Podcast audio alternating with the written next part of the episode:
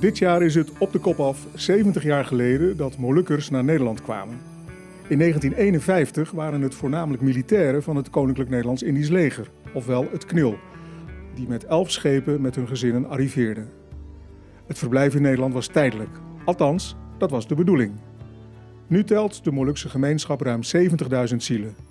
De meesten woonachtig in een van de 65 zogenaamde Molukse wijken. Een verslag van Guido Spring. Salam alaikum klinkt de begroeting bij de moskee in Ridderkerk. In dit stadje, onder de rook van Rotterdam, wonen islamitische Molukkers. Het is een kleine minderheid binnen de Molukse gemeenschap in Nederland, maar ze zijn erg actief. Ze wonen niet in één wijk in Ridderkerk, maar verspreid over de stad. Vandaag is het vrijdagmiddaggebed. Kan ik hier door naar binnen dan? Ja, kom maar. En dan doe ik hier mijn schoenen uit.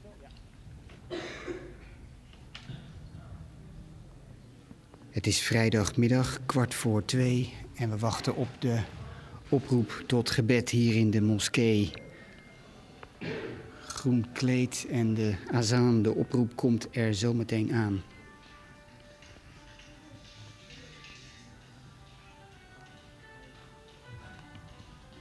Hier en daar gaat nog een telefoon af. Allahu Akbar. Allahu Akbar.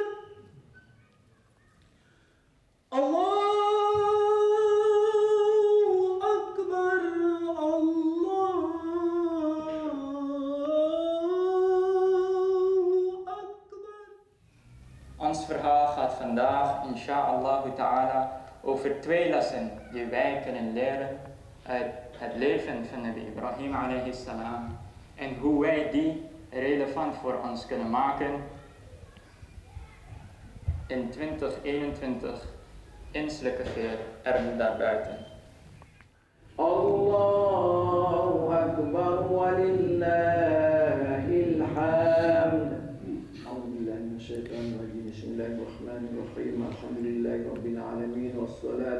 Het vrijdagmiddaggebed is uh, na zo'n drie kwartier afgelopen. Vanmiddag langzaam stroomt de Ridderkerkse moskee leeg. Ruim 100 mannen en jongens hier die eh, het gebed achter de rug hebben. Hun meegebrachte bidkleedje ook weer meenemen. Vanwege corona moet je dat zelf meenemen deze tijd. Het is een hele licht gekleurde moskee. Wit en lichtgroen zijn de overheersende kleuren. En vier pilaren ondersteunen de koepel waar het licht door naar binnen valt. En niet alleen de Molukkers, maar ook de andere gelovigen hier, die er ook zijn, bijvoorbeeld uit Syrië, Suriname en Jemen, zelfs als afkomst, die eh, verlaten de moskee. Marokko ook, zegt hier iemand. Dat bent u zelf? Marokko, oké. Ik ben eh, Jana, Jana Ollong.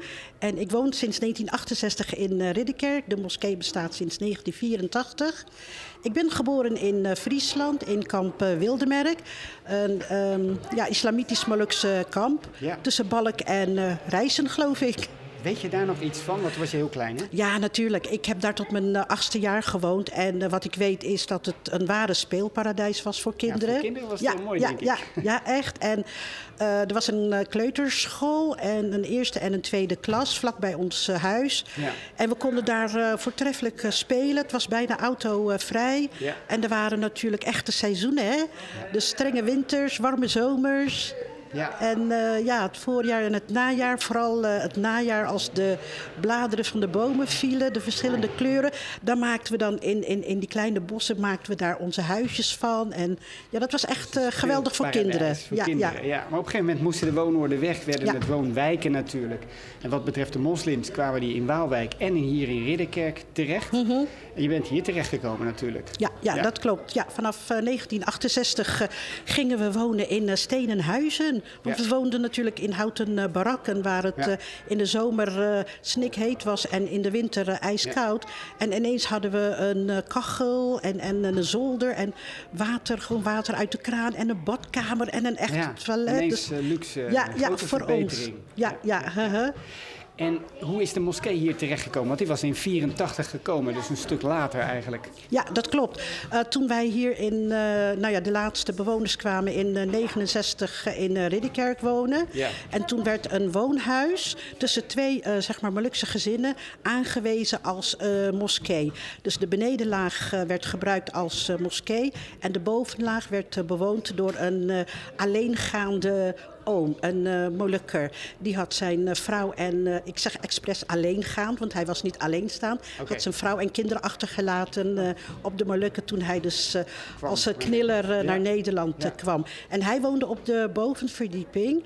En de benedenlaag werd dus ge gebruikt als moskee. Maar de gemeenschap werd groter en groter. En toen gingen we ook de bovenlaag gebruiken. En voor de speciale feestgebeden was het al helemaal te klein. Ja. En konden we, moesten we sportzalen uh, huren Ja, om daar onze feestgebeden uh, uit te voeren. Dus ideaal zou zijn een moskee. Maar toen is hij er dus later pas gekomen. En dat heeft ook, daar heeft de overheid ook uh, aan meegeholpen. Ja, absoluut. Ja, ja, ja. Want de overheid heeft, eh, had altijd al beloofd dat wanneer een eh, Molukse gemeenschap van voldoende grootte was, zij recht had op een gebedshuis. Nou, voor de christelijke Molukkers was het eh, geen probleem. Ja. Hè. Die konden al heel lang, eh, vanaf het begin eigenlijk Ja. in Nederland een eh, ja, godsdienst uitoefenen. ja, zo, ja. ja. En ja, voor de moslimmolukkers was het anders. En toen de moskee hier te klein werd, is een delegatie naar de overheid gegaan om te praten over een eh, moskee. Ja. Maar eh, men moest eerst een eh, stichting vormen, want ja, anders Ja. had het geen legale karakter, zeg maar. Ja. In 1978 is de Stichting Molukse Moskee in het leven geroepen. En toen kon er onderhandeld worden met de Rijksoverheid. En daarna natuurlijk ook met de gemeente voor dit stuk grond. En een architect moest eh, in de armen genomen worden. En toen dat allemaal eh, geregeld was, toen konden ze in eh, oktober 83 met de bouw van de moskee beginnen. Ja. En dat heeft een jaren geduurd. Er waren geen noemenswaardige problemen. Ik geloof dat de eerste steen of paal werd geslagen op 14 oktober 1983 en 1 oktober 1984 was de opening van de moskee. En sindsdien is hij hier Ja. Mhm. natuurlijk. Toch wel een bijzonder, hè? Een Molukse moskee in Nederland. Ja, absoluut. Ja, en eh, zeker in Ridderkerk. ja. Hè, geen grote stad en Nee. eh, toen de tijd helemaal niet. Dus het was best wel eh, ja, vreemd voor, voor de bewoners hier in Ridderkerk om Ja. een, oh, om een moskee te zien. En Ja. vooral toen ze hoorden dat er een moskee zou komen, ja, werden ze Ja. nieuwsgierig. En echt zichtbaar, hè? Met een koepel en een minaret Ja. en zo. Je ziet het meteen. Ja, dat klopt. Dit is echt een eh, traditionele moskee met een eh, minaret en een, en een koepel. En er is ook een, eh, een, een eh, wasruimte voor mannen en vrouwen. En vertel eens, want iedereen weet dat de moskee een plek van gebed is. Maar het is meer, hè? Het is eigenlijk ook een plek van samenkomst. En er gebeurt van alles. En het is eigenlijk Moluks erfgoed. Ja, dat klopt. Dat is absoluut een Moluks erfgoed. En eh, het is in de eerste plaats is het een gebedshuis. Eh, Ja. Vanuit eh, Ambon, vanuit Molukken, hè, waar mijn ouders vandaan komen, heb je in hun dorpjes niet dit soort grote Nee. gebedshuizen. Als je daar een moskee binnentreedt, kom je gelijk in de gebedsruimte. Ja. Nou, hier heb je een bibliotheek, een keuken, Ja. een crash en van alles. En een mortuarium hebben we ook. En het is zeer kindvriendelijk, zoals je kunt eh, kinderen nu zien. door de gebedsruimte te rennen. Ja, kan inderdaad. allemaal. Dat kan allemaal. We zijn erg eh, kindgeïntegreerd Ja. wat dat betreft. En het is natuurlijk ook goed om kinderen zo op te nemen, zodat ze ook gewend raken met, met de moskee. En even kort nog, je bent zelf in het bestuur van een moskee. En Ja. natuurlijk in heel veel moskeeën zien we heel veel mannen in andere culturen. Dat is Mhm. een beetje anders lijkt het wel hier. Ja, ja wat dat eh, betreft eh, zijn wij wat eh, liberaler. Is dat Ehm. bijzonder ook op de Molukken? Of zou je zeggen, of is het... Ja, Op de Molukken in de Negorijen is het nog wel bijzonder. Hm. Maar tegenwoordig zijn er ook... er- ken je de term raja? ja. Dat, ja, nou, er zijn ook veel vrouwelijke rajas Juist. op de Molukken op Ambon. Ja. Dus wat dat betreft wordt de beleving toch anders. En Hm. ja, vanuit Indonesië zijn we wat liberaler dan andere groepen. Ja, ja. En eh, ik zit eh, sinds eh, 2019 eh, in het bestuur als uh, vicevoorzitter. En er zijn nog meer vrouwen zelfs, hè? Ja, ja, ja hoor. Het vorige bestuur was uh, een vrouwelijke voorzitter. En oh, ja. ik heb ook uh, vanaf 1991 tot en met 2017 in de vrouwengroep van de moskee gezeten. En ja. we waren degene die heel veel activiteiten organiseerden, maar ook subsidie aanvroegen bij de gemeente. Dus vrouwen zijn hier in de moskee erg actief. En Huis van de Barmhartigen, dat is de, eigenlijk de naam van de moskee? Ja, dat klopt. Baitul Rahman, dat betekent Huis van de Barmhartigen. Ja. En uh, ja, dat betekent dat het open staat voor iedereen, moslims en niet-moslims. En dan kijken we niet naar uh, uit welk land je komt, nee. welke kleur je hebt, nee. je geaardheid. Maar uh, iedereen moet zich wel aan de regels houden. Ja. Dus dat geldt voor moslims en niet-moslims. Ja. Mm -hmm. En Molukse uh, christenen en moslims, hoe gaan die met elkaar om in algemene termen? Uh, bedoel je hier in, hier in, het bijzonder in Ridderkerk? Ja, ja. ja, ja, goed wel hoor. Uh, wat ik me kan herinneren is dat onze ouders heel goed contact hadden met zeg maar christelijke Molukkers. En ja. zij kwamen heel vaak bij elkaar over de vloer. Ja. En uh, hielpen elkaar ook bij het voorbereiden van een bruiloft. Ja, ja. Of als er een begrafenis. En ze leenden elkaars pannen. En, en ja, ze waren gewoon uh, één. Ondanks dat er politieke tegenstellingen waren. Maar het moluk zijn, hè, de beleving ervan, dat was uh, belangrijker.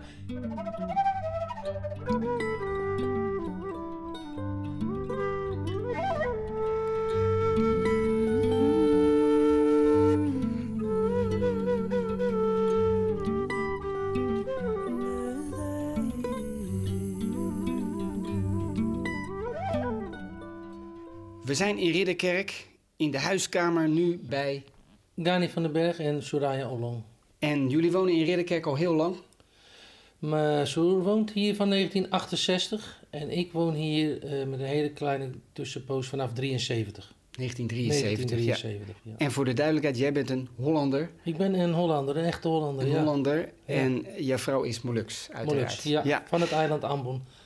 Beide ouders van het eiland Ambon. Laten we eventjes duiken in de geschiedenis van de, ik zal maar zeggen, de moslim-Molukkers. Want dat is een minderheid hier van zoiets van 2% wordt gezegd van de gemeenschap. Maar op de Molukken zelf een heel aanzienlijk deel, ongeveer de helft.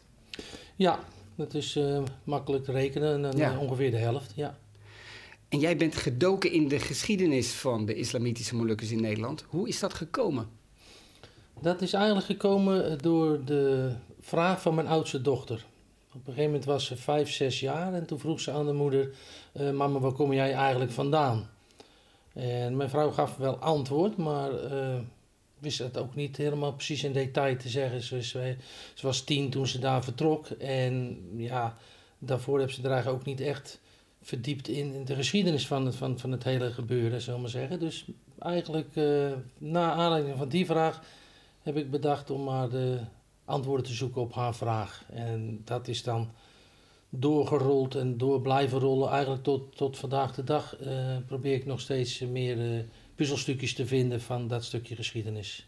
Onderzoek naar de geschiedenis van de moslim-Molukkers die terechtkwamen in Friesland, in een, een woonoord daar.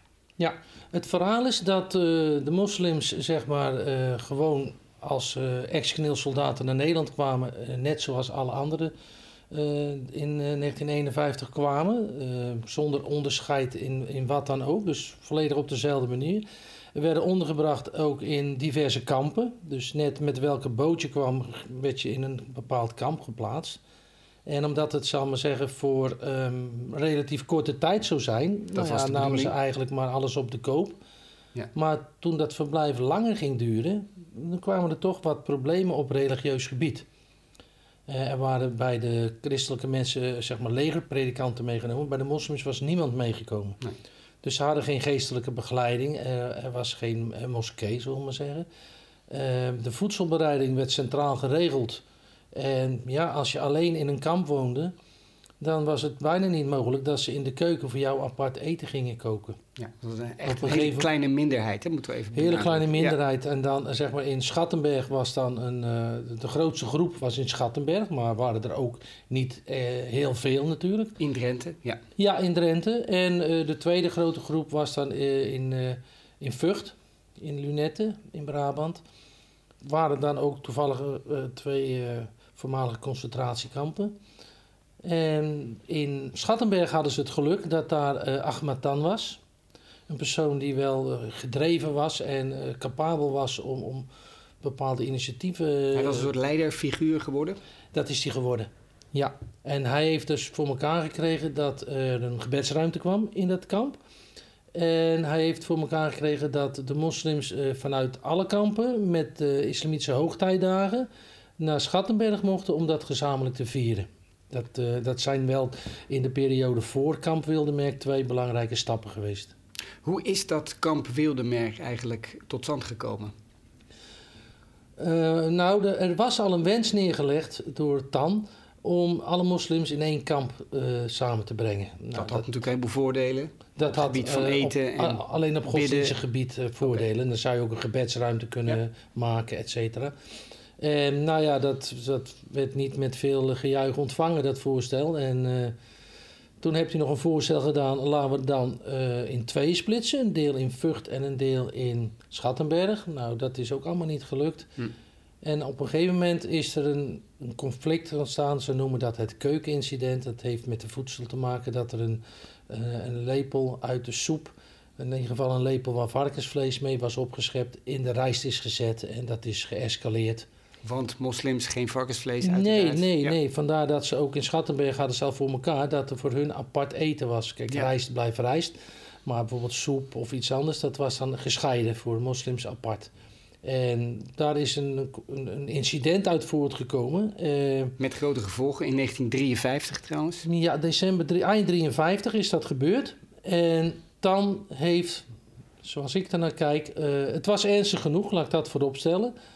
Eh, maar dan heeft het ook wel een klein beetje gebruikt om zijn wens van een eigen kamp een beetje extra druk op te zetten. En, Ja. eh, nou, dan was een, de enige moslim die eh, voor straf is overgeplaatst naar Zeeland. Een aantal uh, christenmolukkers zijn overgeplaatst, onder andere naar Geesbrug, kamp Geesbrug. Hm. En ze dachten eigenlijk, dan hebben we de angel er wel uitgehaald. Dan zit hij dan lekker ver weg in zijn eentje daar in dat Zeeland. Maar dat lukte niet bij hem. Daar was hij niet de man naar. Hm. Dus hij heeft dat vuurtje warm gehouden. eh, met als resultaat dat eind eh 54, ook december 54, net voor de feestdagen, eh, de moslims van Schattenberg allemaal naar Wildemerk zijn overgeplaatst. Echt een Moluks islamitisch woonoord. Ja, klopt. Ja. En je schrijft in je boek, dat vond ik wel grappig. Het is het enige islamitische dorp van Nederland ooit Ja. dat er geweest is. Dat is eigenlijk Ja. heel grappig. Nee, Dat, dat is wel geinig, toch? Ja, dat weet bijna niemand. Nou, nee. Ik denk van niet, nee. Nee. nee. maar Daarom het is, heel eh, waardevol dat je Tot dat zo aan vandaag de dag nog steeds zo, ja. Ja, ja. Ja. Het is een heel mooi boek met krantenknipsels ook. Je bent ooit begonnen volgens mij eh, door te kijken op de zolder van je schoonouders. eh, Ja, mijn- met- mijn met schoonvader- krantenknipsels. Ja, mijn schoonvader is echt een, eh, een verzamelaar. Hij gooit maar zelden iets weg. Dus ik had wel het idee dat er op zolder het een en ander moest liggen. En Ja, dat, dat was dat ook was zo. ook zo. Ja. Ja. mijn schoonmoeder is wat opruimeriger, dus er is ook wel wat weggegooid. Jammer genoeg. Ja. Maar er is meer dan genoeg bewaard gebleven. En voor mij was dat belangrijk, omdat toen had ik bijvoorbeeld jaartallen of een aantal aanknopingspunten waarmee ik Ja. eh, in het land eh, kon gaan zoeken. Want dat werd ook echt mensen interviewen, maar ook archiefwerk bij de gemeente in Friesland en zo. Ja, klopt. Dat was het eerste waar ik natuurlijk naartoe ging. En dan krijg je van iemand tips. Hè. Met, museum heeft me heel erg geholpen destijds. En nog meer mensen hebben me erg geholpen. En die geven dan een tip. Kijk daar eens of bel die persoon eens. En zo gaat dat balletje dan rollen. Ja. Totdat je op een gegeven moment eigenlijk eh, te veel hebt. eh, en dan moet je er iets mee doen. Ja. En dat is dan mijn eerste boek geworden eigenlijk. eh Wildemerk Kamp voor Islamitische Molukkers. Zo heet heette het. dat. Ja. ja. Hoe is dat verder gegaan met de islamitische Molukkers? Want er zijn nu eigenlijk twee gemeenschappen in Waalwijk en hier in Ridderkerk. Hoe Ja. is dat zo tot stand gekomen in het kort? Nou, kijk, op een gegeven moment eh, had de regering beslissing genomen om die woonoorden, die kampen, op te heffen. En dan is daarvoor in de plaats zouden woonwijken komen. Dus ieder kamp was op een gegeven moment wel aan de beurt om gewoon opgeheven te worden. Met of zonder eh, strijd, of hè, whatever. En dus ook Wildemerk, die was ook gewoon aan de beurt. In Wildemerk dan, Ahmad Tan, de leider, die is zeg maar op jonge leeftijd vrij onverwachts overleden in 1957. Net nadat hij het nog wel voor elkaar had gekregen dat er in Wildemerk een moskee werd gebouwd. Ja, En dat die ook geopend is. ja. En- Door een Pakistaan uit Den Haag. Geloof ik. De eerste steen is daar gelegd, geloof ja, ik. dat klopt. Schrijf je ook Eh, nog in het boek? Ja, ja, daar kan ik wel iets over zeggen als Ja, je wil. Ja, Want ieder kamp en iedere wijk in Nederland had een kerk. ja. De moslims niet. Die Nee. hadden niks. Dus eh, dan ging het biljart opzij op vrijdag en dan deden ze een, beetje vegen en dan konden ze binnen. Nou, dat was natuurlijk niet, Nee, nee. niet zoals het zou moeten zijn. Dus ze wilden graag een moskee, dat was toegezegd, dat, dat kwam ook. Alleen eh, ineens eh, ging het aan alle kanten mis. Toen heeft hij gedacht, bij het internationaal gerechtshof in Den Haag was er een rechter, Zafrullah Khan, Uit En- Pakistan. uit Pakistan. Hij was voormalig minister van Buitenlandse Zaken van Pakistan en nu verbonden aan dat. En die was van de Ahmadiyya. Oh ja. De Ahmadiyya is wel een... een, een, een Hele een- vrijzinnige stroming, hè? Juist. Ja. En de- hij denkt, als ik nou deze man zover kan krijgen dat hij die steen neerlegt... en ik bel de pers, Ja. dat vinden ze wel interessant. Ja. En zo Buiten, de, buiten de, de, de, de officiële ja, gemeente, de om gemeente zo. en Ja. CAZ om. En dat had hij slim bedacht. Maar daarna werden de vertragingen alleen maar groter. Want ze voelden zich behoorlijk gepasseerd. Hmm. Ja. Dus het had uiteindelijk meer vertraging opgeleverd. Ja. Maar in ieder geval, Safrul Khan heeft de eerste steen gelegd. En die moskee... Nee, sorry. Die heeft de eerste spa in de grond Oh ja, gestoken. En dan, ik ben heel even de, de, de, de tijd kwijt, maar dat heeft misschien wel een jaar geduurd. Ja. En toen kwamen ze zover dat de eerste steen gelegd mocht worden, heeft Dan zelf gedaan.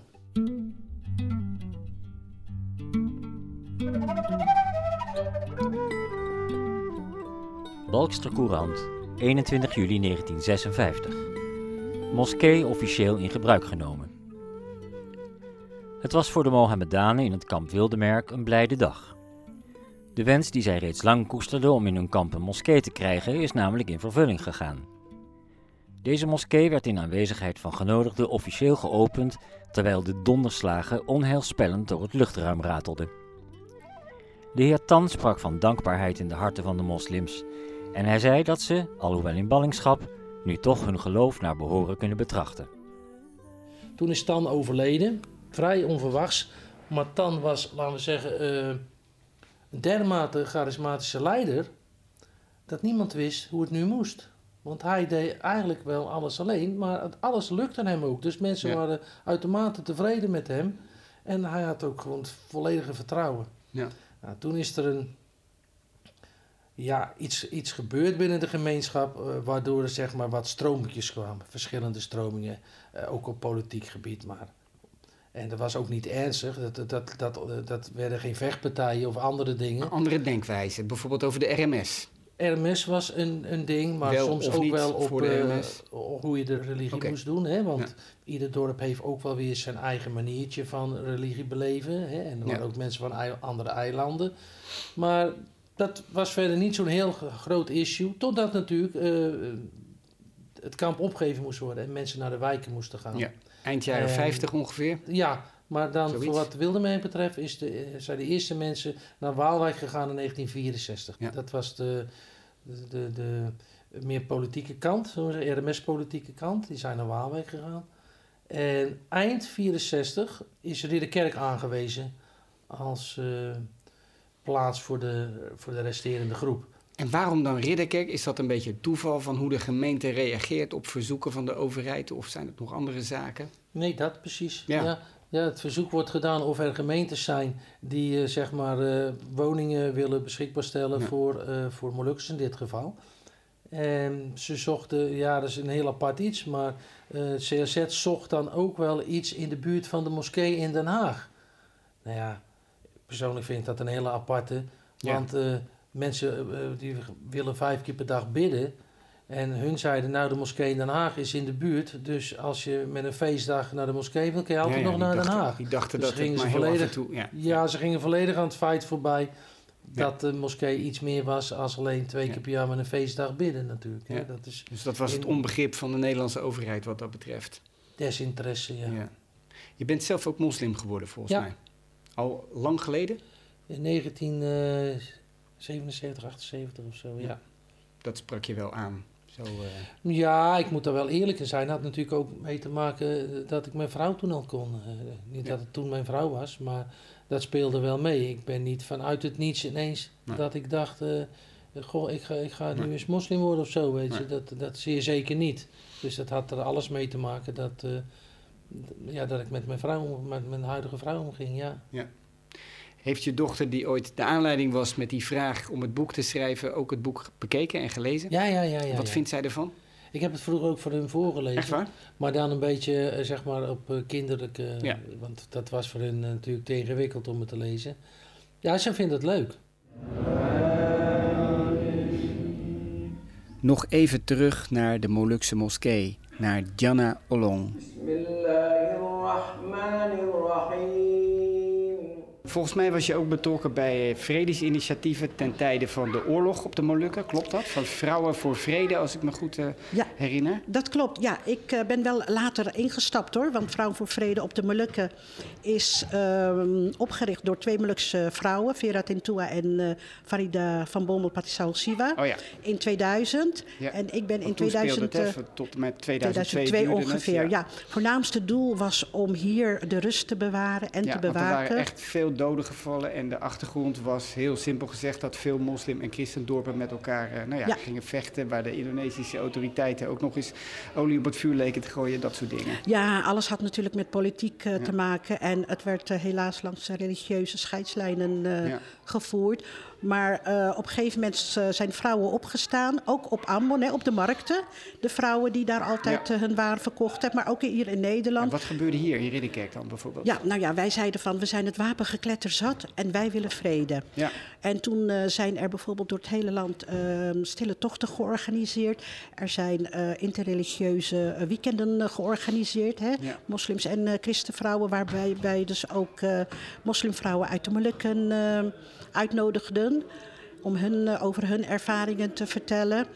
En eh, ja, hier in de moskee eh, hebben we ook een aantal dingen georganiseerd. Maar ook in de kerken. En het zijn voornamelijk dus protestantse, katholieke en eh, moslimvrouwen die bij elkaar gekomen zijn. Na de oorlog hebben wij ehm, de vrouwen proberen te versterken op de Molukken. Door hier in eh, Nederland subsidie aan te vragen voor allerlei trainingen. Dus eh, programma's op het gebied van eh, vrouwenrechten, besturen en politiek. Maar ook gezondheidsrechten en dergelijke. Ja. En er was volgens mij ook aandacht voor psychosociale hulp, want als je uit een oorlog komt, dan ben je natuurlijk beschadigd. Ja, trauma's. Ja, Ja. ja. Ja, We hebben met heel veel eh, NGO's, non-governementele organisaties, eh, daar samengewerkt. We zijn daar ook geweest om eh, samen workshops voor te bereiden en uit te voeren. Ja. En eh, ja, dan, dan zie je ook hoe de mensen daar ermee omgaan. Ja. En dat ze daar ook echt vrede en verzoening willen en daar ook hun best voor doen. En daar hebben jullie een steentje aan bijgedragen vanuit Ridderkerk ook. Hopelijk. Ja, ja. Deze aflevering van de podcast Molukse Wijken, Eiland in Polderland, is gemaakt door Guido Spring. Een project van stichting Sonodox. Aan deze serie werken mee Victor Jozef, idee en productie, Guido Spring en Sam Jones, verslaggevers, Rob Gerritsen, audio-nabewerking, Magda Augustijn, distributie en mijn naam is Rocky Tuhuteru. Kijk voor meer informatie op moluksewijken.nl.